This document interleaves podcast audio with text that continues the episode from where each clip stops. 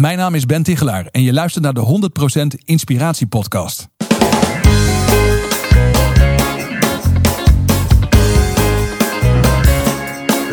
Hey, wat goed dat je luistert. Hij staat weer voor je klaar. Je wekelijkse dosis inspiratie is weer daar.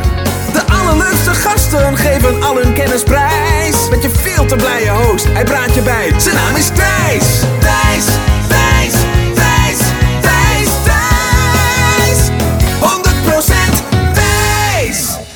Welkom bij Intens, nummertje 165. Dit lijkt me een ideale aflevering om het jaar mee af te sluiten en om 2020 goed mee te beginnen. Want we hebben een heuse management hier in de studio, in de podcast. Ik heb het over Ben Tigelaar. En eh, ja, je kan Ben kennen misschien van zijn, eh, van zijn seminar MBA in één dag. Waarschijnlijk ken je hem onder andere van zijn boeken. Dromen durven doen is de bekendste. Meer dan 500.000 exemplaren verkocht. Wat echt, echt in Nederland ongekend is voor een boek. En al helemaal voor een, ja, zeg maar een zelfhulpboek. Ja, en op welke gebieden is Ben dan expert? Ja, eh, communicatie, leiderschap, verandering, verander management, gedrag, effectiviteit. En daarom eh, vuur ik al mijn vragen op Ben af. Onder andere hebben we het over het verschil tussen je bewuste, geplande gedrag, hè, waarvan we zo graag willen weten, willen denken dat dat het grootste gedeelte van je leven is. Maar er is ook onbewust automatisch gedrag. Hè, het verschil tussen die twee en, en wat regeert nou echt je denken en je keuzes en je doen. Daar gaan we het over hebben. Ja, en ik vind het dan ook leuk om in te zoomen op de persoon Ben. Dus niet alleen de guru Ben, om maar zo te zeggen, de expert Ben, maar ook de persoon Ben. Loopt hij niet over in al die kennis? En merkt hij ook wat ik vaak merk, dat je ja, dat de, de kloof tussen wat je weet en wat je toepast, dat die best wel groot is. En hoe frustrerend dat kan zijn. Nou, daar gaan we het ook gewoon over hebben in dit interview. En voordat ik ben aan het woord gelaten, nog even iets heel bijzonders. Check namelijk thijslindhout.nl slash ben. Want wij mogen niet vijf, niet tien, niet twintig, maar 100, dat hoor je goed, 100% inspiratie. We mogen 100 boeken weggeven van zijn nieuwste boek. Wie succesvol wil zijn, moet vooral een beetje geluk hebben. Met als ondertitel 52 prikkelende en praktische lessen voor werk en leven. 100 van deze boeken gaan we gratis weggeven op thijslindhout.nl slash ben. Dus ga daar nu naartoe en blijf luisteren. Hier is Ben Tigelaar. 100% Thijs. Ik vind het een hele grote eer, Ben. Nou, ik vind het heel leuk om hier te zijn. Ja. Dankjewel. Nou, dat, de, de, de grote Ben Tigelaar, een, een echte goeroe, zo wil je Nou, mogelijk niet genoemd groot, worden. Ik bedoel, het valt best mee, 1,85 meter. Ja, ja, zo en bescheiden. goeroe, goeroe is natuurlijk net zo goed een scheldwoord als een, als een koosnaam van sommige mensen. Dus, eh, Ja, ik, ik, ik las ook in veel andere interviews dat, dat je altijd wel weer een, eh, een vervelende vraag krijgt over Ah. van... Nou Ben, jij wordt managementgoeroe genoemd. Ja, ja. Hoe maar is- goed, is een soort samenvatting natuurlijk van heel veel dingen. Want als je gaat zeggen wat je dan allemaal doet, weet je wel, als je dan eh, naar- ook naar je eigen, eh, eh, wer- oh, hoe moet je dat zeggen, je, je eigen loopbaan kijkt, dan is het schrijven, eh, columns eh, maken, eh, Ja. spreken. Dus ja, dan is het ook wel makkelijk dat je er één woord voor hebt. Ja. Ja, maar je hebt het toch voor elkaar gekregen dat... dat ik denk dat bijna elke ondernemer, misschien zelfs wel manager, leidinggevende in Nederland, jou wel kent. Dat valt nog wel tegen En- hoor. Ja, denk, Oké, denk ik. ja, er valt nog veel te winnen. Nou ja, er is altijd. eh, De grap is, eh, aan de ene kant lijkt Nederland soms heel klein. En aan de andere kant eh, merk ik vaak dat als ik ergens bijvoorbeeld word uitgenodigd om te spreken, ook binnen een Ja. organisatie, eh, dat er toch best nog een hoop mensen zijn die of eh, nog nooit van mij hebben gehoord, of die één ding kennen. Weet je wel, een boek soms van jaren geleden, maar voor de rest ook niet. Dus in die zin valt het best wel tegen. Ja. Ik heb dat zelf ook wel. Dat deze podcast, er luisteren relatief veel mensen naar. Ja. En de, de, er komen, mijn zalen zijn vol van mijn shows. Hè, dus, dus er zijn gewoon mensen die, ja, die mij volgen of fan van mij zijn. ja. Ehm, maar ik doe natuurlijk ook net als jij praatjes voor het zakelijke segment. ja. En dan stel Ja. ik expres aan het begin de vraag van... nou jongens, eh, wie van jullie heeft nu zoiets van... hey, leuk dat je er bent, maar wie is die gast? Ja, en dan gaan vaak 90 tot 95 procent van de handen de lucht in. Dus eh, er, er valt Ja, eh, aan ja, mijn kant nog wat te veroveren... en aan jouw Ja, kant eh, precies. blijkbaar ook. Ja. Ik zou het trouwens geen praatje noemen. Want als, als je eh, iets een praatje noemt, dan verwachten mensen ook een prijsje. En ik heb begrepen dat jij ook een redelijke prijs rekent als je ergens komt spreken. Oh, ik krijg gewoon de eerste tip al. Ja, ik zal het, spreekbeurt mag dan denk ik ook niet. Workshop, seminar. eh, ja, Keynote. Precies. Ja, keynote. Ja. Maar het- het, is, het is natuurlijk ook echt gewoon werk. Als je kijkt naar. Ik heb eh, toen ik. ehm, maar het is- ga meteen eventjes de Nou, inhoud in. dit mag hier. Ga maar. Op een gegeven moment ehm, werd ik, eh, toen ik in de journalistiek werkte, dat was ik eh, begin twintig, Ja. eh, werd ik af en toe gevraagd om bijvoorbeeld debatten voor te zitten. Of middags, middagen, met, middagen met verschillende sprekers. Om dat als dagvoorzitter te komen leiden. Omdat je dan als journalist, word je erachter goede vragen te kunnen stellen. Ja, En zo. Nou, ja, dat-. Dat, lukt ook wel vrij redelijk.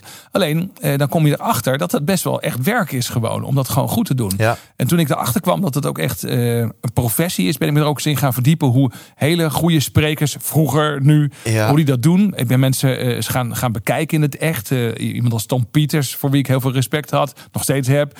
eh, dacht ik, wel, dat wil ik zien hoe die dat doet. Ik denk, potverdikke, dit is echt een vak gewoon. Ja. ja. Ja. Nou, en dat is een mooi linkje dan naar mijn bekende openingsvraag. Oh, Want eh, ik denk niet dat een, een jongetje van acht, een, een- Ben Tichelaartje van acht tegen de juffrouw zei... ik wil later managementgoeroe worden. nee. Dus ehm, wat, wat wil jij worden als je later groot bent?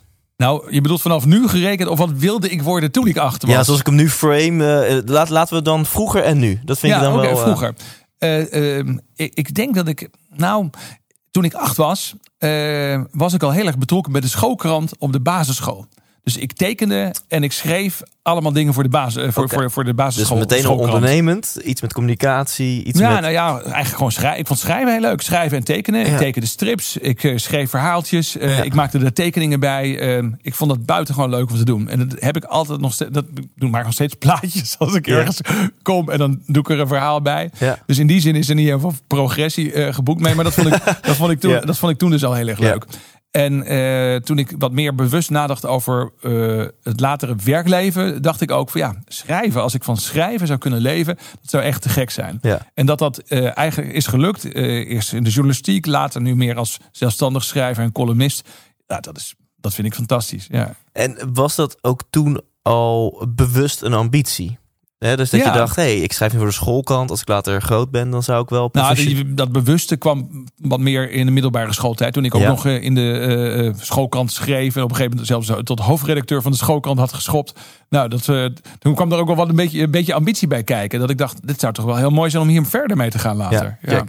En als ik ehm, dan nu... Je bent 50 lentes jong? Of Ik ben 49? 50, ja. ja. Ja. ja, want ik kon, ik kon op Wikipedia je geboortejaar vinden, maar niet de exacte maand. Oh, het is 3 januari Ja? 1969. Kijk, Ja. ja, ja, dus eh, sinds, eh, sinds begin dit jaar ben je Abraham, heet dat dan toch? Ja, precies. Ja. Volgens mij zag Abraham er ouder uit dan een gemiddelde vijftiger nu, zeg Ja, maar. ja, dus ja. Dat, dat kon heel grappig. En Stel je altijd voor iemand een hele lange baard en een heel lang grijs haar. Ja. En zo dacht ik ook over vijftigers toen ik het zelf nog niet was. Ja, ja, ja. Nou, je, ziet er vrij fit uit, dus... eh, ja, ja, goed. gaan we het ook nog over hebben. Mogelijk breng je veel in de praktijk van de dingen die je, die je weet. Maar wa- wat, wat zou jij nu antwoorden als ik, als ik aan de huidige Ben die tegenover mij zit vraag... Ja. wat wil je worden als je later groot bent? Nou, wat ik, wat ik graag wil worden, nog meer misschien dan, dan dat in de afgelopen jaren zo eh, gelukt is, is eh, ook iemand die mensen kan inspireren tot, tot, ehm, tot leven ehm, op een manier en ondernemen en, en zaken doen op een manier die iets verder reikt dan zeg maar eh, ja, nadenken alleen maar over succes. Ja, Ehm, ik weet dat, dat best wel heel veel ondernemers, of veel mensen met wie ik zeg maar in de regel te maken heb, zijn natuurlijk best wel gefocust op het succesvol willen zijn in hun werk. En dat begrijp ik ook goed, heel Ja. goed. En daar is ook, vind ik helemaal niks mis mee. Daar, daar geniet ik zelf ook van. Wanneer je iets doet en het lukt. Hè, als we op die manier even naar succes kijken. Ehm, alleen, ja, we hebben toch wel te maken met hele grote problemen in onze wereld. Ja. eh, die ook aandacht verdienen. En het zou zo mooi zijn wanneer je op een gegeven moment in staat bent om dingen te doen, eh, om bij te dragen aan doelen die echt ook bij, boven jezelf uitstijgen. Ja. En die zelfs misschien wel zo groot zijn dat je weet van nou, in mijn leven ga ik niet eens meemaken dat die problemen zijn opgelost. En, en desalniettemin is het de moeite waard om daar aan mee te werken. En het interessante is, ik- we hebben kinderen, mijn vrouw en ik, eh, vier dochters. En die dochters, drie daarvan studeren al. De vierde woont nog bij ons thuis, is, is middelbare scholier. Maar wat, wat hen bezighoudt, eh komt natuurlijk ook weer terug bij mij. En het grappige is, ik ben zelf opgegroeid in een tijd dat mensen nog zich helemaal niet zo druk maakten om milieuzaken bijvoorbeeld. Of, Ja. eh, of je nou wel of niet vlees moest Ja. eten. Ja. En je kunt eigenlijk niet meer op die manier leven tegenwoordig. Dat kan niet meer. En ik vind ook dat ondernemers, omdat ondernemers en leiders eh, in het algemeen in de maatschappij hebben gewoon meer impact dan veel andere mensen. Dus dat geeft ook een verantwoordelijkheid. En die verantwoordelijkheid ehm, wil ik eigenlijk nog een steeds grotere rol laten spelen in mijn werk, maar zonder dat op een prekerige manier te doen. Ja. En dat is best wel heel ingewikkeld om eh, ja, mensen te inspireren tot verantwoord leven in plaats van eh, ze Ja. daartoe op te roepen op een wat eh, ja, eh, bevoogdende manier. Zeg Ik maar. denk überhaupt van ons vak is dat natuurlijk een uitdaging. Want je bent ergens heilig van overtuigd. Je bent ergens gepassioneerd over. Maar je wil ook niet prekerig overkomen. Je wil niet als de goeroe overkomen die jou eens gaat Ja. vertellen hoe jij het anders moet doen. Aan de andere kant verwachten mensen soms wel dat je ergens een uitspraak over doet. En dat vind ik altijd een uitdaging. Want ik vind het namelijk altijd heel. Ja, het is een beetje kinderachtig. Maar ik vind het ook wel heel fijn dat mensen mij leuk en aardig vinden.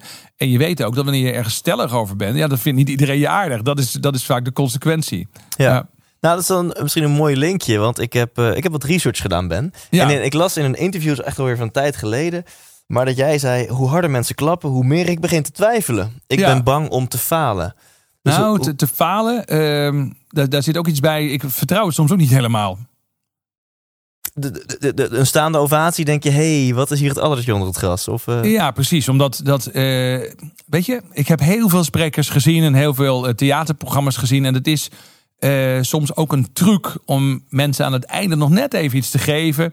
eh, wat mensen heel erg leuk vinden, of een verrassing. Of je, je zegt gewoon heel simpel: je hebt een lezing ergens gegeven, zeg je. En eh, hele leuke verrassing voor iedereen. Ik heb net een nieuw boek uit. En ik dacht, ik doe niet moeilijk. Iedereen krijgt gewoon van mij vandaag een gratis boek. Ja. Nou ja, dan gaan mensen heel hard klappen. Maar waar klappen ze dan voor? Klappen ze dan omdat ze echt iets hebben geleerd? Klappen mensen dan omdat ze eh, echt veranderd zijn door wat ze hebben gehoord? Of heb je gewoon iets heel aardigs en iets leuks gedaan? En is dat Ja. hetgene wat zeg maar applaus trekt? Dus ik bedoel te zeggen, het is niet heel erg moeilijk om eh, de lachers op je hand te krijgen. Het is niet heel moeilijk om mensen zover te krijgen dat ze ergens heel hard voor klappen. Maar is het dan volgens ook echt waardevol? Dat, dat is de vraag die je moet stellen. Ja, of, of vind jij het niet heel moeilijk? Hè? Want je, vanuit jouw referentie denk je, nou, het is relatief eenvoudig om eh, de Ja. lachers op je hand te krijgen, mensen te laten klappen. Maar Nou misschien ja, dat vond ik natuurlijk de allereerste keer dat ik ergens een lezing gaf of ergens een, eh, een dagvoorzitterschap deed, vond ik dat natuurlijk ook moeilijk. Ja. Maar op een gegeven moment merk je, er- merk je dat dat ja, ook gewoon een vak is om dat te doen. Eh, ik gaf het net al aan, je leert op een gegeven moment steeds beter hoe je bepaalde dingen in je, in je vak doet. Ehm, maar als je dan op een vakmatige manier ergens naartoe werkt, bijvoorbeeld naar een bepaald applaus of vakmatig naar een bepaalde waardering toe werkt, heb je dan ook datgene inhoudelijk overgedragen wat je heel graag kwijt wilt of wat Ja. je echt belangrijk vindt. En, die, en die vraag blijft mezelf altijd stellen. En, en hoe zit bij jou die balans tussen gewoon waar je van overtuigd bent dat gewoon heel duidelijk en misschien wel hard brengen en tegelijkertijd jouw wens om aardig gevonden te Ja, worden? dat is heel complex. Dat is heel complex. Eh, ik, ik denk dat daar nog wel heel wat eh, stappen in te zetten zijn nog steeds. Ja.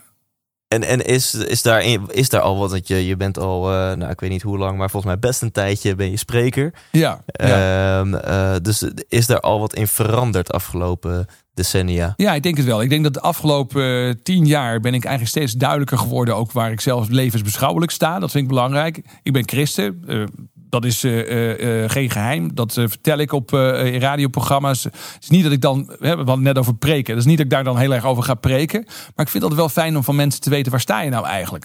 Ik heb zelf bijvoorbeeld, ik geef een voorbeeld, ik heb wel eens een boek gelezen van iemand.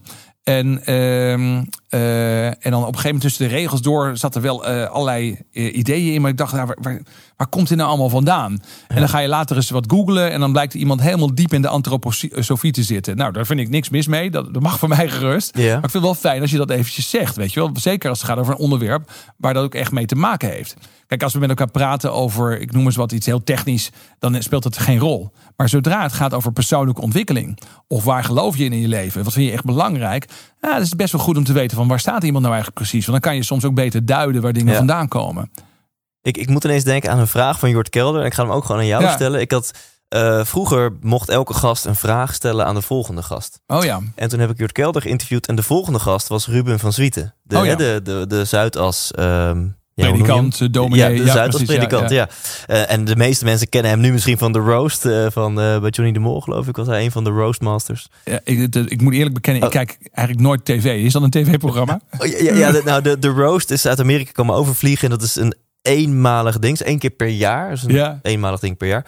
Waarin één bekende Nederlander door acht andere bekende Nederlanders wordt gefileerd. Met humor. ja. Dus je wordt, je wordt gewoon helemaal kapot gemaakt. Maar ze zeggen, we only roast the ones we love. Dus er Oké. een soort van lief sausje overheen. Maar, eh, en dat deden ze met, eh met nou, George Kelder? Of, Nee, eh, Jo- Johnny de Mol, die werd... heet hij Johnny? Ja, want zijn vader heet John. hè? Ja, Johnny de Ja. Mol werd geroost. En een van de Roosters was Ruben ja. van. Zieten. Maar goed, Jort Kelder die stelde in mijn podcast de vraag aan Ruben. En die zei, Ruben, je bent, je bent wetenschapper. Je bent getraind om eh, dat alles bewezen moet zijn. Hypotheses moeten dubbel gecheckt worden. Hoe kan jij als wetenschapper geloven in zoiets als de Bijbel? Ja, ja. Als ik die vraag aan jou zou stellen, Nou, wat weet je wat zo heel grappig is? De, ehm, maar dan beantwoord ik hem eventjes met, met eh, een, eh, een vergelijking. De enige mensen die de Bijbel volledig letterlijk nemen... en daar ook heel veel over discussiëren... of iets nou wel of niet gebeurd kan zijn... dat zijn fundamentalisten en atheïsten. Want atheïsten zeggen altijd... ja, de Bijbel, eh, de aarde kan helemaal niet geschapen zijn in zes dagen. Maar als je dan kijkt hoeveel christenen in de wereld er zijn... dat zijn er ongeveer 2,5 miljard... En hoeveel daarvan echt geloven dat het precies in zes dagen gebeurt. Dus dat is echt maar een hele kleine fractie. Ja. Dat zijn echt de echte, echte fundamentalisten. De meeste christenen geloven dat helemaal niet. Die zeggen, ja, luister eens even. eh, die zes dagen, eh, eh, dat scheppingsverhaal... is een prachtig verhaal over de relatie die God met mensen wil hebben. Maar dat gaat helemaal niet over dat het exact zes dagen waren. Dus dan zie je al dat zo'n vraag berust op een soort aanname... Ehm, waarbij je eigenlijk zonder eerst eens eventjes te verkennen. Want wat gelooft iemand dan? Meteen zegt, oké, jij bent christen. Dus jij gelooft waarschijnlijk dat. En dan ga ik daar een vraag over stellen. En dat is meteen eigenlijk vaak ook het probleem als het gaat over levensbeschouwing. En ook wat het weer moeilijk maakt. Als je bijvoorbeeld daar iets mee wilt in je werk. Dus nadenken Ja. over hogere doelen. Wat vind je echt belangrijk in je leven? Ehm, dat het al heel gauw, zeg maar, dat je terechtkomt in een spelletje van... oh, jij zult waarschijnlijk wel dit. Dus iemand die bijvoorbeeld dan niet gelovig is... dat denkt dan, zeg maar, een christen dan vaak van... van nou, die gelooft dus blijkbaar nergens in. Daar kan je niks mee of zo. Of eh, die denkt alleen maar aan zichzelf. Dat is niet waar. En eh, mensen die niet geloven of die anders geloven... die denken dan van christenen... oh, dat zijn van die rare mensen die Ja. geloven... dat eh, dit is gebeurd, dat is gebeurd, dat het zo is gegaan. En dat is ook heel vaak niet waar. Want onder christenen is er ontzettend veel verscheidenheid. Ja. Dus dat, dat maakt het heel lastig. Dat maakt het ook in mijn werk lastig om dat goed te doen. Dus als we even teruggingen naar je vraag... wat zou je meer erin willen stoppen? Ja. Ik zou meer willen doen met dingen die gaan over nou ja, levensbeschouwing, purpose. ehm, maar purpose niet alleen maar in de zin van eh, geloven in jezelf, maar ook wel dat er toch meer dingen zijn eh, dan, wat, ja, eh, dan de dingen die over jou gaan. Ja, en dan to- toch nog één vraag. En we gaan het echt niet het hele interview hebben over geloven. Maar ik wil nog één vraag Maar wat geloof jij dan? De- de- de- niet, eh, eh, hoe zeg je dat? Eh, ik, ja, het is, een, be- het is een beetje misschien nu een heel hip antwoord, maar dat is echt hoe ik er al jaren over denk. Ik, Ja. ik geloof zeker dat er meer is dan wij kunnen zien. Daarvoor heb ik gewoon te veel gevoeld, gezien, meegemaakt en, en, Ja. en ben ik te spiritueel. Dus er is meer tussen hemel en aarde, zeg maar. Maar wat? Ja. Don't have a clue. Maar dat is ook Ehm, niet wetenschappelijk. ja, Toch? is dat Ja. zo? Nee, nee, ik bedoel maar te zeggen dat, dat als je aan mensen vraagt, gewoon eh, van waar geloof je dan in? Of wat vind je dan belangrijk in het leven? Dan kom je altijd op dingen uit die gewoon niet eh, wetenschappelijk te bewijzen zijn. Ja. En, en wat ook geldt is bijvoorbeeld als mensen gaan, nou, mooi voorbeeld, als, je mensen, als mensen gaan trouwen, dan beloof je aan elkaar dat je eh, van elkaar houdt en dat je bij elkaar blijft. Ja, dat is ook maar een leap of faith eigenlijk, hè, als je gewoon heel eerlijk bent. En zo maak je dus in je leven, doe je heel veel stappen die je toch in geloof zet. En dat vooral als het gaat om purpose of om hogere doelen. Dan gaat het vaak over Ja. onzichtbare dingen, om Ja. values. Ja. eh, dingen waarvan je denkt, ja, het is niet tastbaar. En toch ben ik bereid daar heel veel voor op het spel te zetten. Ja. En dat vind ik interessant. Want, eh, en en, en dan, dan, krijg je, dan kom je ook dus, zeg maar, of je nou moslim bent, of je bent christen, of je bent hindoe, of je bent boeddhist. Uiteindelijk dat natuurlijk allemaal eh, stelsels van antwoorden op de grote vragen waar alle mensen mee zitten. Wie ben ik? Waar leef ik voor? Waar gaat het naartoe met deze wereld? Wat is goed? Wat is slecht? Ja, eigenlijk zou je kunnen zeggen, je kunt hooguit zeggen dat christenen of boeddhisten of moslims, die denken daar al iets langer over na. Oh, die, dat is een mooie twist. Nou, als als het gaat om basale dingen, bijvoorbeeld het ontstaan van de aarde, hè, dan neig ik Ja. meer naar de wetenschap. Denk ik, nou, dat Darwin en oerknal en zo, dat voelt voor mij iets realistischer dan dat de aarde in zes dagen geschapen is. Maar weet je dat mensen in de 19e eeuw, die eh, niet gelovig waren, de atheïsten, vroege atheïsten, dat toen voor de eerste keer de ideeën kwamen over de oerknal, eh, dat die mensen heel boos waren en dat niet wilden geloven. Want dat lijkt namelijk te veel op een begin van alles. Oh ja, ja, ja. En, en eh, het idee was in die tijd, van er is helemaal geen begin geweest. Hè? Eh, dat hele idee van die schepping, dat het allemaal begonnen is, Mhm. dat klopt niet. En toen op een gegeven moment, ik weet niet of het precies eind 19e eeuw was, maar goed, omstreeks de tijd dat, zeg maar, dat die eerste oerknaltheorieën kwamen, eh, toen zeiden mensen, met name atheïsten, nou dat kan gewoon niet kloppen. Want er is helemaal geen begin geweest. En nu zie je weer dat, eh, dat is Ja, dus ja. buitengewoon grappig om te zien. Dus het argument van die oerknal is eh, zowel door christenen als tegen christenen gebruikt. Vooral Ja, tegen de Bijbel. ja, ik heb daar niet zoveel mee. Weet je? Ja. Maar goed, deze podcast gaat vooral om, om, om dat je hart volgen en dat soort dingen. En als jij je hart volgt... ja, maar dat grap, de grap is wel ben wel met je eens. Het gaat om je hart volgen. Maar dan uiteindelijk gaat het natuurlijk ook om de vraag: maar wat is dat dan? En wat is dan goed en slecht in het leven? Dus in die zin speelt het bij mij wel vaak op de achtergrond een rol. En bij veel andere mensen ook natuurlijk. Nou, Maar het is een moeilijk gesprek.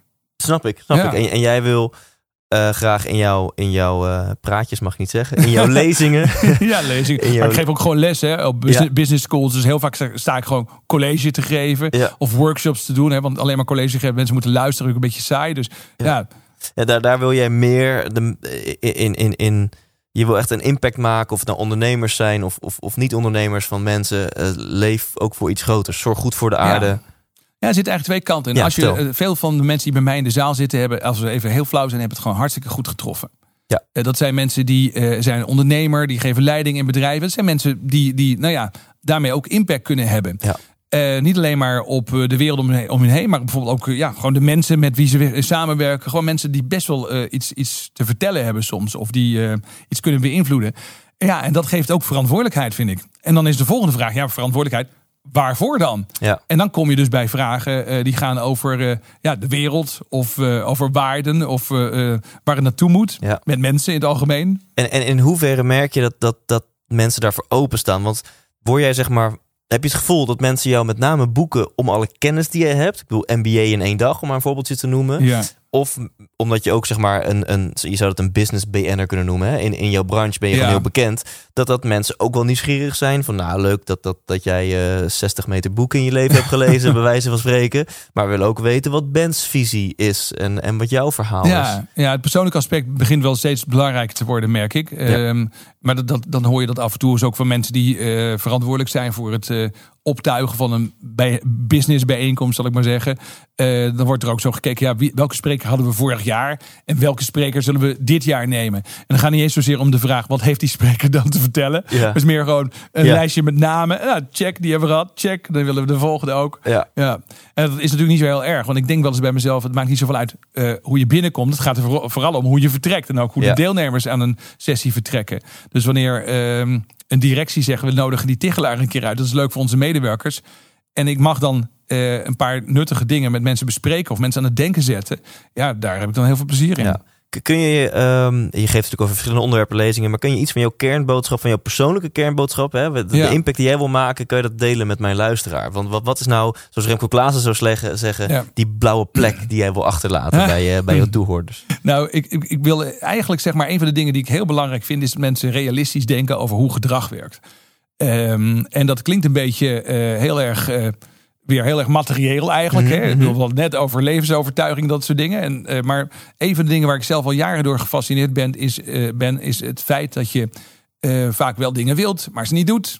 Of allerlei dingen doet die je niet wilt. Ja. En waar komt dat nou vandaan? En dat is een fascinatie van mij geweest. Die, of, of is het al vanaf, vanaf, ja, eigenlijk vanaf mijn middelbare schooltijd. Ik heb mijn studie ooit gekozen op basis van, van deze vraag. Van, van waar komt menselijk gedrag vandaan? Hoe wordt het beïnvloed? Dan zou je kunnen denken, dan ga je psychologie studeren. En dat had ik misschien achteraf ook wel moeten doen. Maar ik heb toen besloten om eh, sociologie en daarna communicatiewetenschap te studeren. Ehm, uiteindelijk kwam ik daar wel in aanraking met eh, eh, behavioral economics al in mijn studietijd. Dus ideeën van Kahneman en Tversky en dat soort, dat soort mensen. Dus psychologen die ook keken naar economisch gedrag. Eh, Robert Cialdini, Ja. belangrijke denker over me- intermenselijke invloed, eh, sociale psychologie, maar dan praktisch gemaakt zou je kunnen zeggen. Moest ik ook lezen in mijn studietijd en dat Ja. heeft mij echt gegrepen.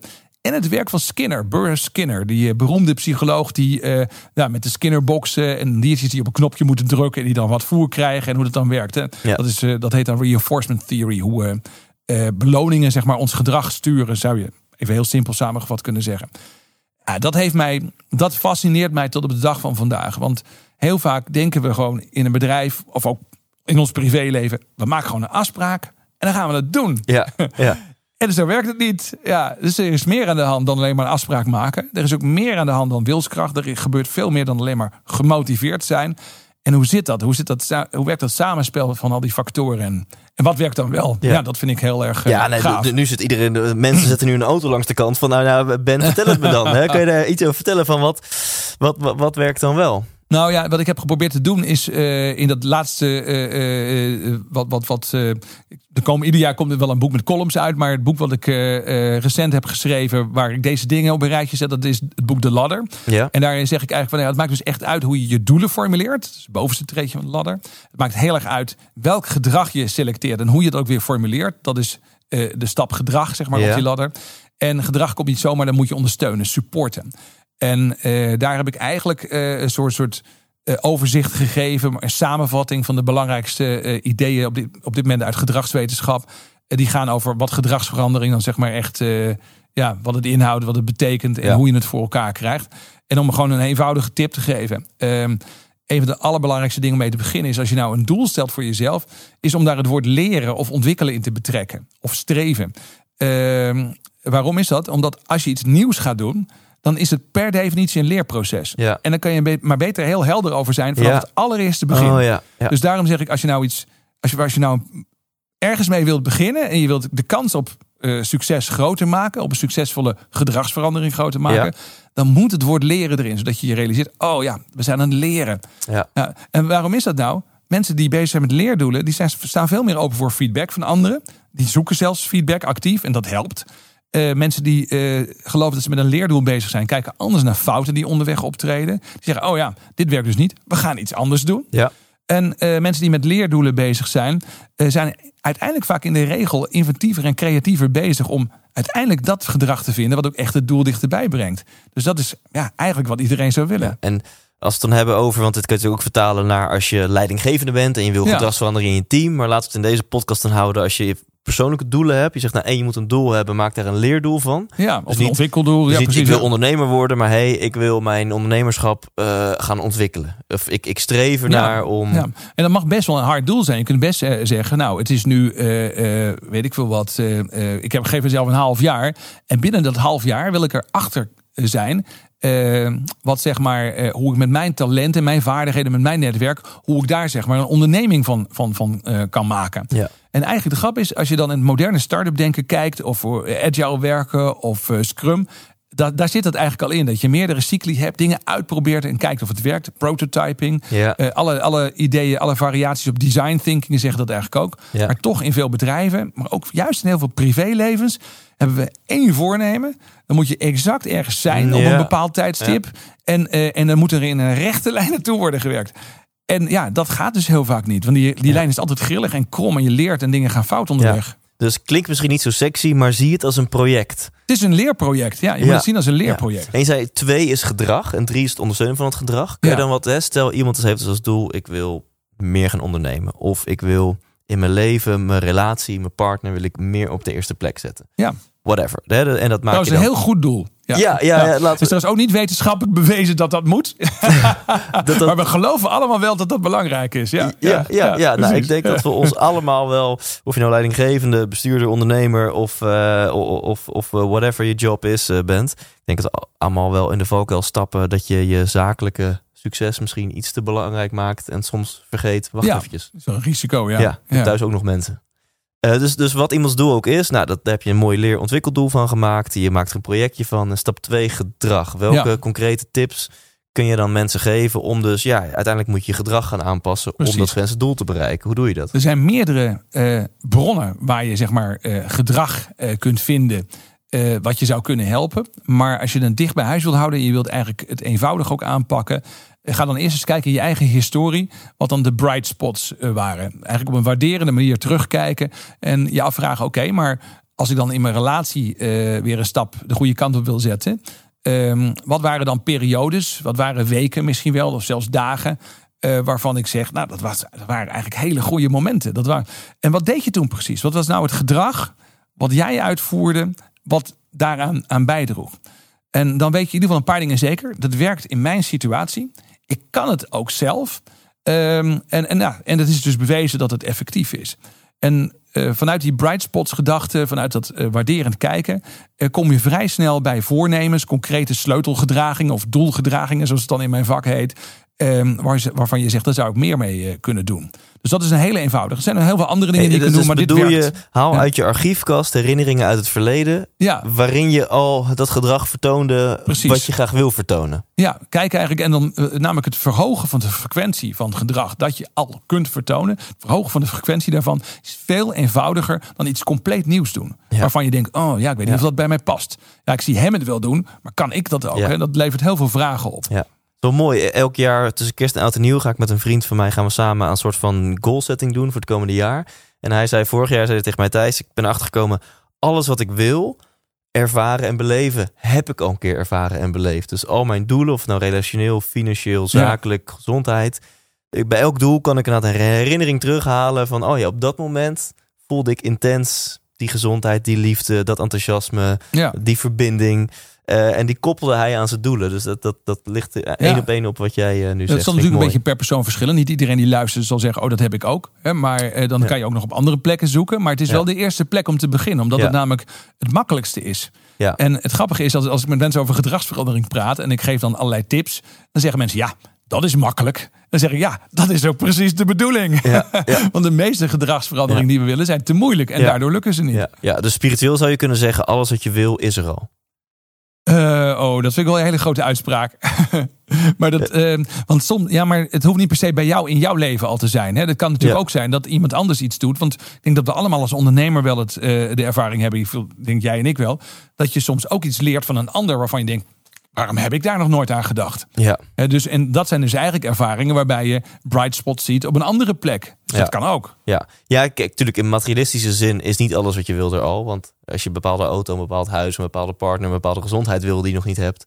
Ja, Maar nee, maar dat is niet wat ik bedoel. Want Nee, dat zijn bepaalde uitkomsten waar je Ja. naar zou willen streven. Maar dan bedoel ik gewoon bepaalde praktijken, dingen die werken. Dus je geeft bijvoorbeeld leiding aan mensen. En dat doe je al een tijdje. En, en dan op een gegeven moment eh, werk je een keer met iemand samen. En dan denk je, potverdikke, dat is een goed idee. Heb Ja. ik nog nooit gedaan. Ja. Nou, en dat betekent dan toch dat het in je eigen repertoire nog niet zat. Ja, precies. Dat Nou, bedoel ik. Ja. En, eh, maar als je kijkt, stel je gaat uit van hypothese, elk doel wat je hebt leidt uiteindelijk naar een bepaald emotie, een bepaald gevoel. Dus het hogere doel is een bepaalde emotie. En dan zou je kunnen Hm, stellen, dat ja, maar die, ook die niet. Maar goed, ja. emoties, die ken je al. Maar dat, nee, Nee, dat, ja, want waarom zou het altijd om een bepaalde emotie moeten gaan van jou? En dat is ook wel weer, dat is eigenlijk best wel egocentrisch om zo te denken. Dat je denkt van nou, ik, ik doe, uiteindelijk doe ik het allemaal voor een goed gevoel. Maar er zijn ook mensen, juist mensen die wij bewonderen. Zelfs als, als ik met mensen spreek over wat zijn nou de grote namen van de grote leiders uit de 20e eeuw. Dan worden er altijd dezelfde mensen genoemd. Dan gaat het over Martin Luther King. Of dan gaat het over eh, Nelson Mandela. Nou, en ik, ja, dat zijn mensen, eh, eh, leiders waarvoor iedereen ontzettend veel respect heeft. Maar ik denk dat er heel veel momenten zijn geweest in de levens van die mensen dat ze helemaal niet blij waren met de rol die ze hadden. Ja, en dan, daar wil ik een interessante vraag over stellen. Is het niet zo dat elk doel, elke missie, dat als je die afpelt van waarom wil je dat, waarom, dat je dan uiteindelijk kom je uit bij of omdat ik denk dat dat, dat mij gelukkig maakt, Ja. of in de gevallen van deze grootheden dat je dan uitkomt bij omdat dat mijn missie is. Hè? Maar als- als je elk doel Ja. afpelt, kom je niet altijd op een van deze twee uit. Maar die missie kan dus ook door anderen aan jou gegeven zijn. Door andere mensen. Of eh, nou ja, in dit geval Martin Luther King, Nelson Mandela waren beide gelovige mannen. Dus Ja. ze hadden ook het gevoel dat ze een missie kregen uit een andere hoek dan alleen maar uit de menselijke hoek. Ja. En dat is ook interessant. En ehm, ja, dat, dat vind ik dan wel heel bijzonder. Dat mensen dan soms het gevoel hebben, ja, dit is een roeping die ik eigenlijk niet besteld heb. Maar hey, ja, iemand moet het doen. En het, het derde wat je noemde is het ondersteunen van dat gedrag. Ja. Ja, en dat is eigenlijk wel ontzettend belangrijk. Veel mensen weten misschien wel wat hun doel is. Veel mensen weten, mis- weten misschien ook wel welk gedrag daarbij zou kunnen komen eh, kijken en zou kunnen helpen. Maar de ondersteuning die nodig is om dat doel te bereiken, eh, ja, die, die eh, bieden we onszelf vaak niet.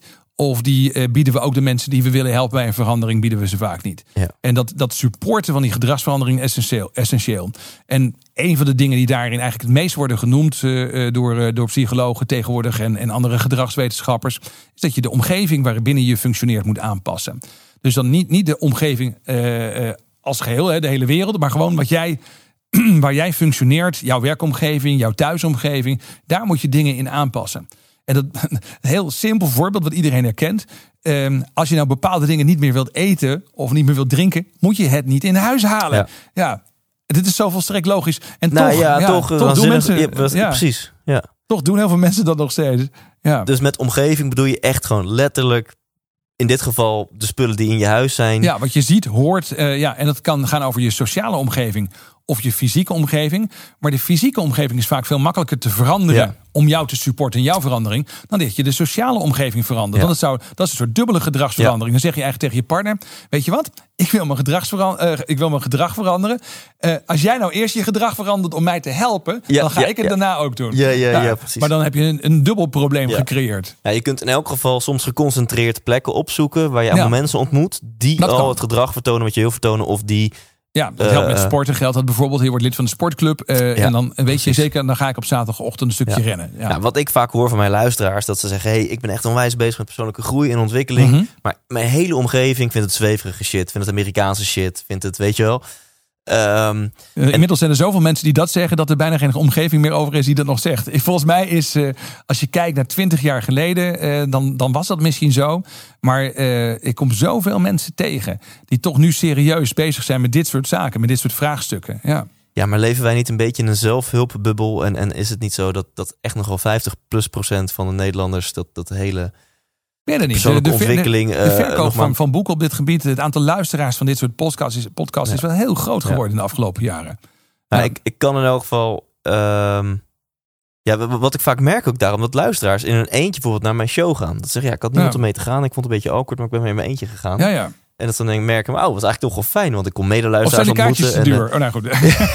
eh, shit, dat zou ook Ik had wel iemand willen meenemen, maar ja, dat kon er niet ja, uit het was gewoon te duur. Dat zou, dat zou natuurlijk ook eh, het geval kunnen zijn. Dus ik kan mensen ook altijd zeggen, hè, wil je een motiverende omgeving, moet je gewoon een ticket voor mijn show bestellen. Hè? Dan Ja. moet je alleen maar gelijk gestemd. Ja, oh ja, dat is ook wel goed. Ja, Ja, ja. Of, of de show van Ben, want jij staat ook in de theaters. Ja, ja, dat is eh, dat komende jaar ga ik een aantal theaterprogramma's doen. Dat is heel erg leuk. Ja. Maar we waren bezig met support. Heel krijgen gedragsverandering. Dus er zijn, er zijn veel meer wegen die naar Rome leiden. Maar wat ik eigenlijk ook, ook misschien wel, als je, als je nou ehm, kijkt naar de meest gemaakte fout, is misschien wel dat we heel veel doelen hebben. Ja. Dat we heel veel gedrag willen veranderen. En dat geldt ook vaak binnen bedrijven. En dat we dat eigenlijk maar minimaal supporten. Ja. En, en een van de belangrijkste regels is, je moet het echt omdraaien. Stel nou eens gewoon één doel.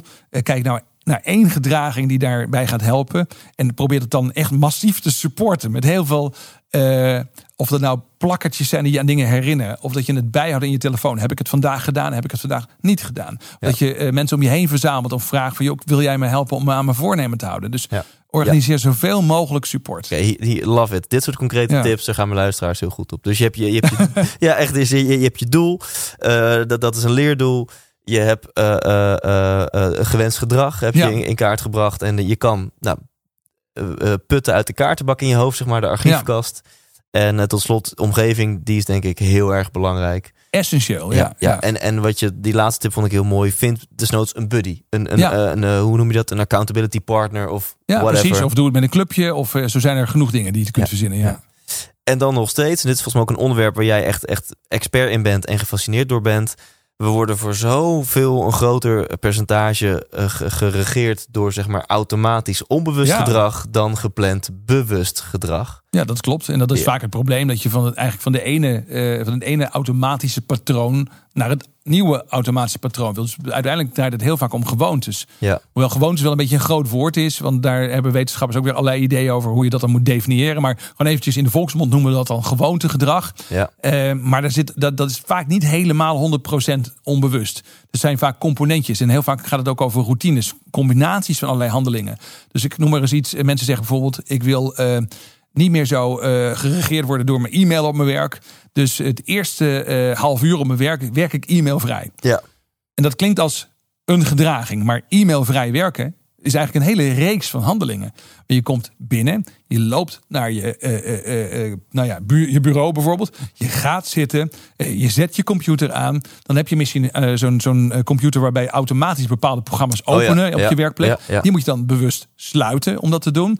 Vervolgens moet je misschien ook bewust even je, je telefoon uitzetten. Dat zijn allemaal handelingen. En sommige daarvan zijn wat bewuster en andere zijn minder bewust. Je kunt eigenlijk zo'n hele reeks van, van kleine handelingen... kan je nooit helemaal op de automatische piloot doen.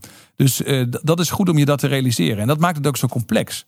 En is, het, is jouw stelling dan dat het juist in dit voorbeeld, is het dan juist relatief makkelijk of relatief moeilijk om dus tegen jezelf te zeggen, ik ga voortaan het eerste half uur van mijn werkdag de mail niet openen? Nou, je moet het eigenlijk nog con- concreter maken. Je moet eigenlijk zeggen, het eerste wat ik doe als ik mijn computer heb aangezet, is de mail uitzetten. Ja. Dan maak je het nog concreter. Ja. Want anders dan eh, heb je eigenlijk als het ware... eh, ja, je, het eerste half uur van je eh, werkdag geen mail doen... is eigenlijk meer een resultaat dan een concrete handeling, zou je Ja. kunnen zeggen. Het, is- het resultaat is dat, je, dat je zeg maar de eerste half uur gewoon... nou ja, niet door mail wordt gestuurd, gestoord en gestuurd.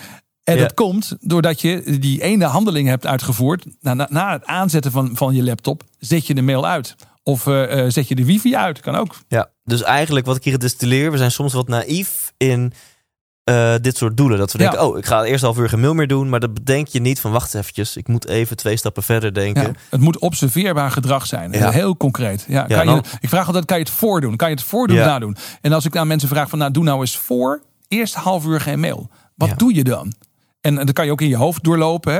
En dan zul je merken dat er dus allerlei eh, routinematige handelingen zijn. Ja. En, en één daarvan gaat echt helpen. Dus stel je zegt, ik wil voortaan drie keer per week sporten. Weet je Ja. wel? Ja, holy fuck. Heb je überhaupt sportkleren? Heb je een sportschool? Ja. Op welke tijdstip en avonden ga je dat Precies, doen? Met ja. welk vervoermiddel ga je daar naartoe? Wat ga je daarvoor afzeggen wat je nu in je avonden doet? Ja. Dus het, Ja, heel erg belangrijk inderdaad om dat soort dingen helder te krijgen. En dat blijkt dan ook vooral, en dat is grappige, ehm, we praten nu over self-change. ja, Nou, dat is natuurlijk, eh, eh, dan heb je in ieder geval nog iets meer macht, eh, iets meer power zou je kunnen zeggen. Je hoeft niet met iedereen te overleggen. Maar veel onderzoek naar gedragsverandering wordt ook gedaan naar initiatieven zeg maar, in de maatschappij. Om bijvoorbeeld mensen te helpen om meer te gaan sporten. Dan wordt het nog veel lastiger. Want dan weet je heel veel dingen niet over die mensen die je probeert te beïnvloeden. Ja. en jij hebt ontzettend veel kennis. Nou, Eh. ik bedoel, er zijn heel veel mensen die veel meer weten over dit onderwerp dan ik. Maar ik probeer me weer ja. te laven aan de kennis van mensen die hier echt waanzinnig goed onderzoek Ja, naar doen. ja, Eh, dus ja, bijvoorbeeld deze zomer ben ik aan University College Londen. Dan ga ik twee weken eh, doe ik een summer school. En dan zit ik bij mensen die niks anders doen dan alleen maar een hele leven al onderzoek op dit gebied. Ja. En, ehm, en vind ik, de, de kunst is dan voor mij om daar de, de, de meest praktische, nuttige, gave, eh, mooie dingen uit te halen. En dan, eh, eh, als het even kan, ook met bronvermelding gewoon weer door te Ja. geven aan mijn studenten of mensen die bijvoorbeeld een seminar dat is bezoeken. volgens mij waar jij heel goed in bent. Je hebt mensen die 30 jaar van hun leven besteden om één ding te cracken. Ja. En daar heb je er, er tientallen van. En jij zorgt ervoor dat je van al die tientallen mensen de essentie van hun 30 jaar onderzoek destilleert. En, en En je probeert het te combineren, zodat het Ja. betekenis krijgt. Want bijvoorbeeld, eh, ik ben bij Benjamin Gardner in de klas geweest. Dat is een eh, eh, onderzoeker die zich alleen maar met gewoontevorming bezighoudt. En die daar heel veel van weet. En precies ook wat er in het brein gebeurt als er gewoontes worden gevormd. Dat soort dingen. Daar, daar zit hij helemaal in. Ja. Dus moet er nog geen 30 jaar onderzoek naar. Zo, zo oud is hij nog niet. Maar, eh, maar wel iemand die daar helemaal in zit. Alleen dat stukje kennis vinden eh, de meeste mensen die iets willen veranderen, iets betekenisvols willen veranderen in hun leven of in hun werk, vinden ze eh, te klein, te, Ja. te, te, te beperkt. Maar het is wel een belangrijk ingrediënt. Dus de kunst is om dat ingrediënt te pakken en het te combineren met andere ingrediënten, zodat je uiteindelijk een, nou ja, zeg maar Ja. een mooi gerecht krijgt waar mensen blij van worden. Ja, en dan nu de vraag waar ik, eh, waar ik naartoe wilde. Hoe, hoe is dat voor jou in je persoonlijke leven? Dat je dus die, die kloof die er moet zijn tussen wat je weet en wat je doet. Ja, en je, en ja, je wil ja. in je eigen leven wil je ook dingen veranderen en verbeteren. En je hebt zelf ook wel eens mindere dagen. En Absoluut, maar je De- moet ook een de- beetje vergevingsgezind zijn daarin. Want, eh, ja, maar hoe is dat voor jou? Nou, weet je, de research op het gebied van gedragsverandering laat gewoon zien dat het verschrikkelijk moeilijk is. Het is gewoon verschrikkelijk moeilijk. En dat maar gewoon eerlijk toegeven. Ehm, dat, dat, is al, eh, ja, dat is al de helft, denk ik. Hè. Dus als je weet dat eh, sommige mensen die willen iets veranderen in hun leven. en dan lukt het niet en dan slaan ze zichzelf voor hun hoofd. Ja. Maar als je nou weet hoe het in, echt in de regel gaat met andere gewone mensen. dat helpt ook al enorm om Dus- een beetje opluchting ernaar te kijken. Dus eh, jij zegt eigenlijk weer, ja, juist mijn kennis helpt me ook weer om te vergeven. Want ik weet dat het juist ja. zo moeilijk is. Dus ik kan mezelf het heel erg vergeven als het dingen niet lukken. wetenschappelijke kennis helpt mij om te relativeren, maar ook om soms te zeggen: oké, maar dit is dus blijkbaar ook moeilijk. Stoppen met roken, bijvoorbeeld. Ik ben zelf gestopt met roken op mijn dertigste. Ehm, heel blij nog steeds dat dat gelukt is. Maar ik dacht toen, toen ik de eerste poging deed om te stoppen met roken, dacht ik: dit is hem. Dat Ja, denkt iedereen. ja. Van ik stop nu met roken en dat gaat lukken. Ja. Maar eh, ik weet nu uit onderzoek eh, eh, dat, dat het, eh, nou bedachten vroeger dat het tussen de 8 en 12 pogingen kostte om zeg maar een jaar rookvrij te zijn. En meer recent onderzoek laat zien dat het tussen de 28 en 32 pogingen nodig zijn. Ja, pff, dat geluid hoort er ook echt bij. Ja, ja. En als je dat weet, dan, dan snap je dus ook, stoppen met roken is dus een leerproces. Ja. Het is niet iets voornemen en dan doen. Ja. Maar je, hebt, je moet meerdere keren proberen om zover te komen dat het uiteindelijk lukt. Tenminste, dat geldt voor eh, gemiddeld. Ja. Er zijn mensen die lukt in één keer. Die zeggen, ja, wat klets die Tichelaar nou? Het is mij in één keer gelukt. Ik denk, ja, leuk voor jou. Maar er zijn ook mensen die hebben 60 keer nodig. Ja, ja, dus ik snap hem. Ja, gemiddeld genomen kom je Hey, gewoon op die 30 en, en hoe is het voor jouw omgeving? Wordt jouw vrouw er wel eens gek van dat jij van alles eh, zeg maar eh, kennis hebt? En, eh, Ja, en de kinderen ook. En nou ja, goed. Kijk, zij weet zelf heel veel. En zij voedt mij met heel veel kennis vanuit haar vakgebied weer. Dus dat is heel leuk. We Ja. hebben wel heel veel kruisbestuiving thuis. Ja. S'avonds aan de keukentafel gaat het soms over allerlei interessante psychologische onderwerpen. Of dingen uit het onderwijs. Of allerlei leervormen. Nou, daar hebben, dat vinden we ook erg leuk. Zij staat ook vaak voor groepen, geeft Ja. les. eh, dus we, we hebben heel veel interactie op dat gebied. Ehm, maar het is wel zo natuurlijk dat ik, eh, als je niet uitkijkt, word je een enorme bedweter. Als je Ja. bepaalde terreinen heel veel weet. Of ja, omdat je ergens door gefascineerd bent, ben je gewoon al 20 of 30 jaar met een onderwerp bezig. En dan weet je ook veel. ja. Eh, en dat kan ook wel eens heel irritant zijn. Ja. Ja. En we, moeten helaas gaan afronden. Ik heb nog 600 vragen, maar ik ga er twee in elk geval van stellen. Twee van de Want- 600. Want, ja, ja, want, want, want wij hebben natuurlijk een heel erg hoofdberoep. Hè? En jij jij bent volgens mij een spons als het gaat om, om informatie. Terwijl, ja, wat mij betreft vind je de magie van het leven echt, echt door te landen in je lijf. Door de Ja. verbinding te voeden. Heb jij daar voor jezelf iets voor hoe je ervoor zorgt dat je contact blijft houden met, met, echt met jezelf? Dan moet je me even uitleggen wat je daar precies mee bedoelt. Want dat, dat is nou weer heel grappig. Hè? Maar dat, is, dat hoor ik mensen wel eens zeggen. Ja? En het klinkt voor mij altijd een beetje wezensvreemd. Contact houden met jezelf. Wat bedoel je Nee, daarmee? Ik, Ja. ik- als ik zeg contact maken met je hart, klinkt het dan al concreter voor jou? Hmm. Ik, ik, ik kan. Oké, Nee, nee, oké, nee. dat, is, dat is ook een antwoord. Dat je echt. mm, eh, laat ik het bij mezelf houden. Ik, ik kan echt merken dat ik in mijn hoofd zit. Zo noem ik het dan ook. Ja, ja, ik zit in ja. mijn hoofd. Ik moet, ik moet er even in mijn lijf. En dat, wat, wat voor mij het beste werkt, is, is letterlijk in de natuur gaan zijn. Ja, oké, Of snap een ik, ja. avondje sauna. Dus. ehm, Maar ja, dat werkt ook gewoon via je hersenen. Dat is heel flauw. Het is ook gewoon een materieel proces. Hè? Oké, ja, ja. Eh, her- herken, jij, herken jij dit niet? Dat kan ook gewoon het antwoord zijn. Hè? Dat- Nee, ik herken dat niet zo. Dat, ehm, want het, het grappige is, we we begonnen in het gesprek onder meer ook over geloof. ja. En het grappige is natuurlijk dat ehm, eh, aan de ene kant denken mensen dan bij mij van nou, die gelooft in allerlei rare dingen.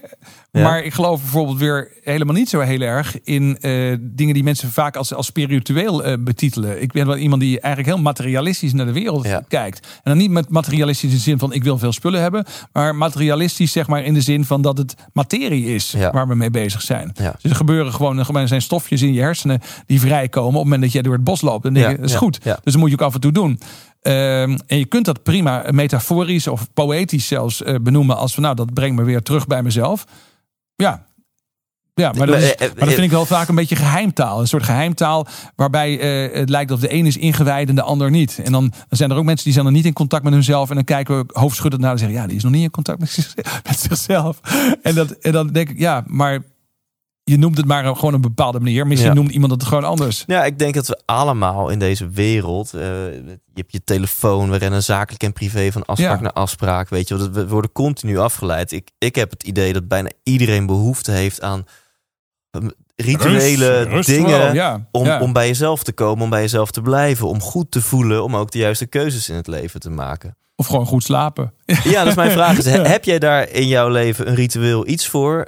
Het kan ook misschien juist je geloof zijn, of is het antwoord gewoon nee? ja, Dat- nou, je- geloof helpt wel. Want dat is voor mij een soort ochtendritueel ook. Dat ik 's morgens eh, eh, altijd wat tijd neem om wat in de Bijbel te lezen. En wat tijd te nemen ook voor gebed. En, en op die manier, mijn, dan zou je kunnen zeggen, ook mijn brein gewoon af te stemmen op de dingen die ik belangrijk vind in mijn leven. Ja. Dus ik ken ook wel heel veel mensen die bijvoorbeeld niet gelovig zijn, maar wel een ochtendritueel hebben. Ja. Waarmee ze nadenken over de dingen die ze het belangrijkste vinden Ja. in hun leven. Feitelijk doe ik dat dus ook. Ja. Ja. En, En- dat, is, dat is goed, dat helpt heel Ja, erg. en zorg je ook heel bewust tijdens jouw ochtendmomentje Bijbel lezen, even weer focus op wat voor jou het belangrijkste is in het Ja. leven. Dat je geen afleidingen hebt, geen e-mail, geen telefoon. Nee, Dat- absoluut. dat is- nee, dat, precies, anders dus werkt het niet. ja. Anders werkt het niet. En dit vind ik tof. Dames en heren, dit was het, eh, dit is gewoon het ochtendritueel van Ben Tegelaar. Ja. Eh, heb jij ook een... Maar een, ochtendritueel voor iedereen zou, zou gewoon goed zijn. Maar als je zegt, ik heb gewoon iets in mijn leven wat ik echt belangrijk vind. En of je nou gelovig bent of niet. Maar er zijn vast dingen die je echt belangrijk vindt. En de grap is dat als je daar niet mee begint, dan is de kans dat je door wordt geleid door iets wat andere mensen belangrijk vinden. Eh, En het kan ook zijn dat ze jou eens proberen te verkopen. Want het begint meteen 's Ja. morgens vroeg al als je niet uitkijkt. Of dat ze willen dat jij een bepaalde app nog meer gaat gebruiken. Ja, dan is dat dus op een gegeven moment Ja. het doel wat jouw leven Ja, maar bepaalt. dit is goud, weet je. Jij maakt elke ochtend contact met geval zo. Dat is mijn formulering. Misschien dat jij, ja, Thijs, eh, zweef lekker weg met je bezemstil. Maar jij maakt elke ochtend contact zit met, met, met wat jij belangrijk vindt. En heb jij ook... Nee, maar ik vind wel. Ik bedoel, het, ik, merk, ik merk vaak dat eh, sommige atheïsten of niet-gelovige mensen die ik spreek, die zijn soms zweveriger dan ik. Ik ben eigenlijk een hele materialistische christen. Ja, ja, hele praktische wetenschappelijke Hele praktische- christen. Ja, dat kan ook dus blijkbaar. Ja, En, en heb jij ook een avondritueel? Heb je zoiets van, hé, hey, ik, ik zet een uur voor het slapen, ga mijn telefoon al uit. Of ik lees ook s'avonds iets in de Bijbel. Heb je ook voordat je gaat slapen iets nou ja, ik heb wel, ik heb, ik dank altijd voor de dag, maar dat doe ik dan soms op verschillende manieren. Eh, dat kan door te bidden zijn, maar dat kan ook door eh, een, een dankbaarheidsdagboek te pakken. Eh, ik heb er eentje naast mijn bed liggen Kijk, en ik kijk. schrijf regelmatig daarin een paar dingen op. Ja. En ik merk dat dat ontzettend eh, goed voor me werkt. En ik heb ook nog altijd een beetje de stille eh, ja, hoop, angst, dan moet je dat eigenlijk eh, zeggen. Misschien wel de verwachting dat er komt vast een moment in mijn leven waarbij ik heel blij ben dat ik de dingen waar ik dankbaar voor ben heb opgeschreven. Om ze dan nog eens te Ja. kunnen nalezen op het moment dat je een keer wat eh, echt in de shit zit. Ja, en hoe, hoe vaak doe je dit ongeveer? Dat, dat je, dat je s'avonds Ehm, echt even ik wat probeer dingen dat een paar keer in de week te doen. Zo. Maar omdat het te licht, hè, dat is weer de omgeving veranderen. Mhm. Doordat het te licht, zie ik het. En denk ik er regelmatig aan. Oh ja. En soms neem je het voor, maar dan is het al veel te laat. En denk je, oh, jongens, ik moet echt gaan slapen. Eh, maar eh, ja, eigenlijk zo, zo eens in de week minimaal. En soms een paar keer in de Ja. week schrijf ik daar een paar dingen in op. check. Ik, ik ga je onder spot zetten. Dit, dit duurt 60 seconden. On the spot. Dan kan je op tijd naar je volgende afspraak. Want ik heb je al lekker gemaakt eh, van tevoren. Dat ik zei, soms als de flow goed is, dan eh, eindig ik een interview. Alleen als de eh, flow ja, goed dat is. is meteen een compliment natuurlijk. Dit zijn 15 vragen in 60 seconden. Goed, hè. En Ja. nou ja, nu moet je... en ik Ben- mag niet genuanceerd antwoorden, geloof ik. nu, Hè? nu moet je de verbinding met jezelf voelen. Ja, dus we branden even wat salie in deze ruimte. We jagen de geesten weg. En, dus je mag antwoorden vanuit je intuïtie. Ochtend of nacht? Ochtend. Vroeger was het nacht. Nu is het ochtend. Dat is echt veranderd in mijn leven. Oké, dus Ja. je bent van avondmens naar ochtendmens gegaan. Ja, ik vind het eh, heerlijk om soms heel vroeg op te staan en dan eh, een paar dingen alvast te doen. En dan, en dan het gevoel te hebben als het dan negen uur is, denk ik, ik heb er al een werkdag op Ja, zitten. tof. Ja, Bestuurder of passagier? toch passagier. Ja, maar die- het heeft die ook mag met- je kort toelichten, Ja, ja, maar omdat ik ook hoe kijk naar het leven. Kijk, ik probeer natuurlijk wel te sturen, maar uiteindelijk ben- je toch vaak passagier. En je mag in mijn werk mag je heel vaak een stukje met iemand meerijden. En dat is wat ik bedoel. Dus mensen zijn met dingen bezig en ik mag een Ja. stukje meerijden. Samen met iemand ergens naar kijken, reflecteren, stap ik weer uit en stap ik weer bij iemand Ja. anders in. Dat is vaak hoe het echt werkt. Mooi. Ferrari of Tesla? ik rij in een Tesla, maar ik vind Ferraris ook mooi. Mooi. Welke, welke Tesla rij Maar ik je? zou nooit, zou nooit een Ferrari kopen. Nee.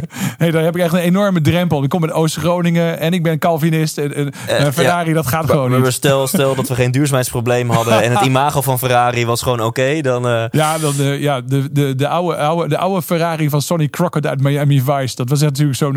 eh, in die tijd dat ik ben opgegroeid was dat Ja, zeg maar een soort droomauto. ik, zie mensen. helemaal glunderen. Ja, ik, ik, rij in die Tesla, maar je, ik, je glundert van die, van die Ferrari. die Tesla is prachtig ook. Ja, Ja. ja. Poetin of Trump? Oh, geen van beide. Absoluut niet. Nee, sorry. Ik ga niet kiezen. Bang voor krantenkoppen? Denk je, nou, laat ik maar Nee, niet nee, nee. zeggen. Niet bang voor krantenkop. Maar beide mannen zeggen maar helemaal niks. Ja. Ja. Een groene smoothie of Engels ontbijt?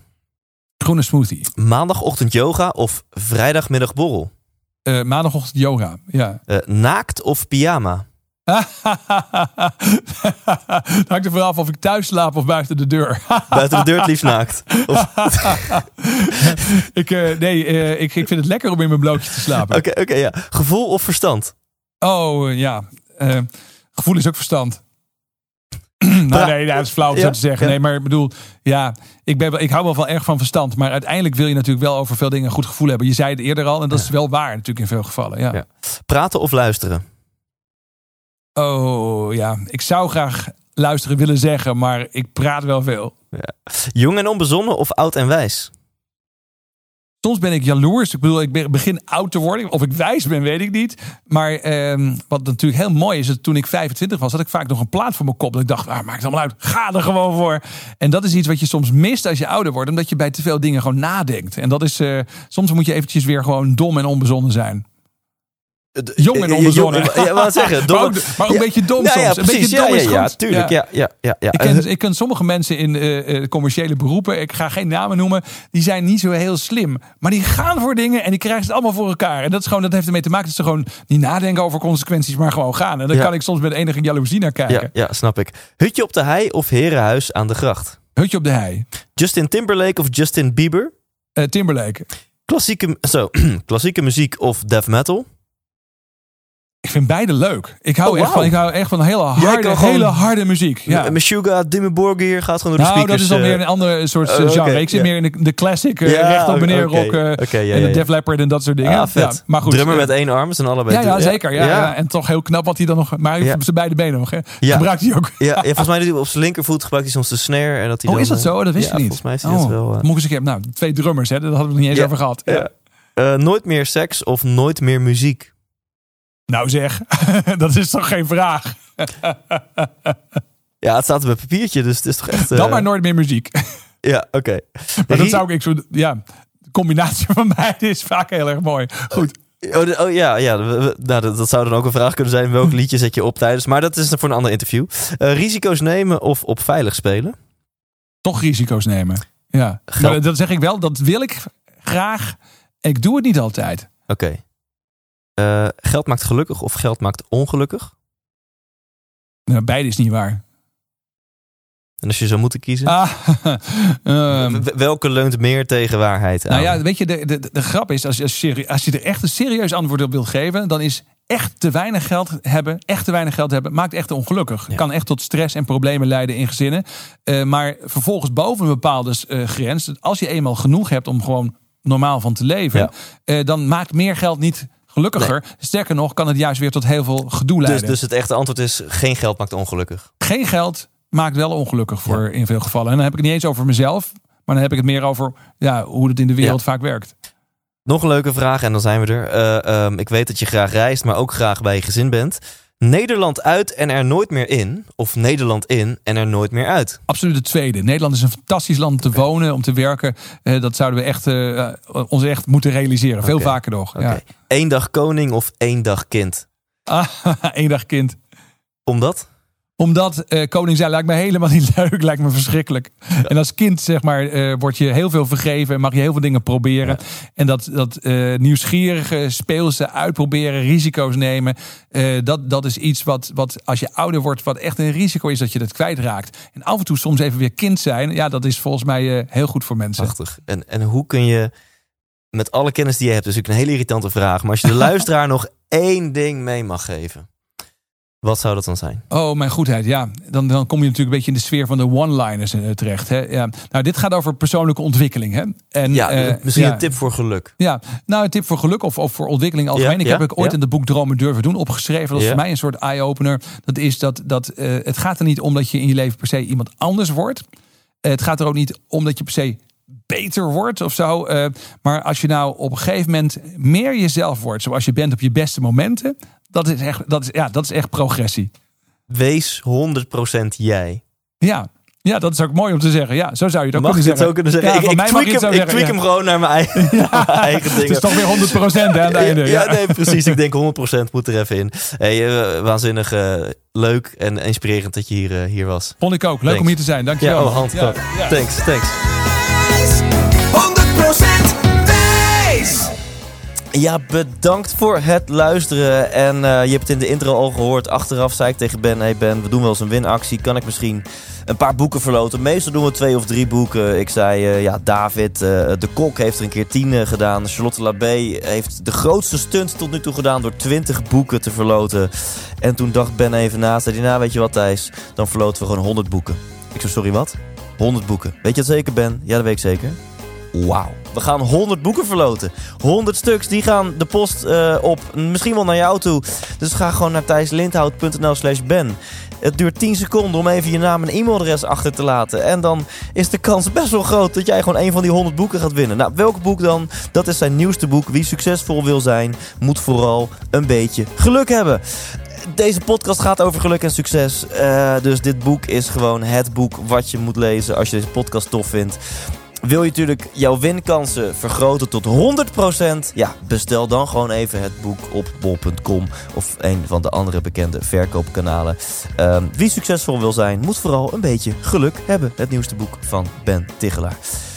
Ik ga ook gewoon geen promotie doen voor andere dingen in deze outro, want ik vind dit zo vet. Ben, dit vind ik heel tof, heel stoer, dat je gewoon een waarde van een paar duizend euro weggeeft aan, aan jou, aan mijn luisteraar, mijn volger.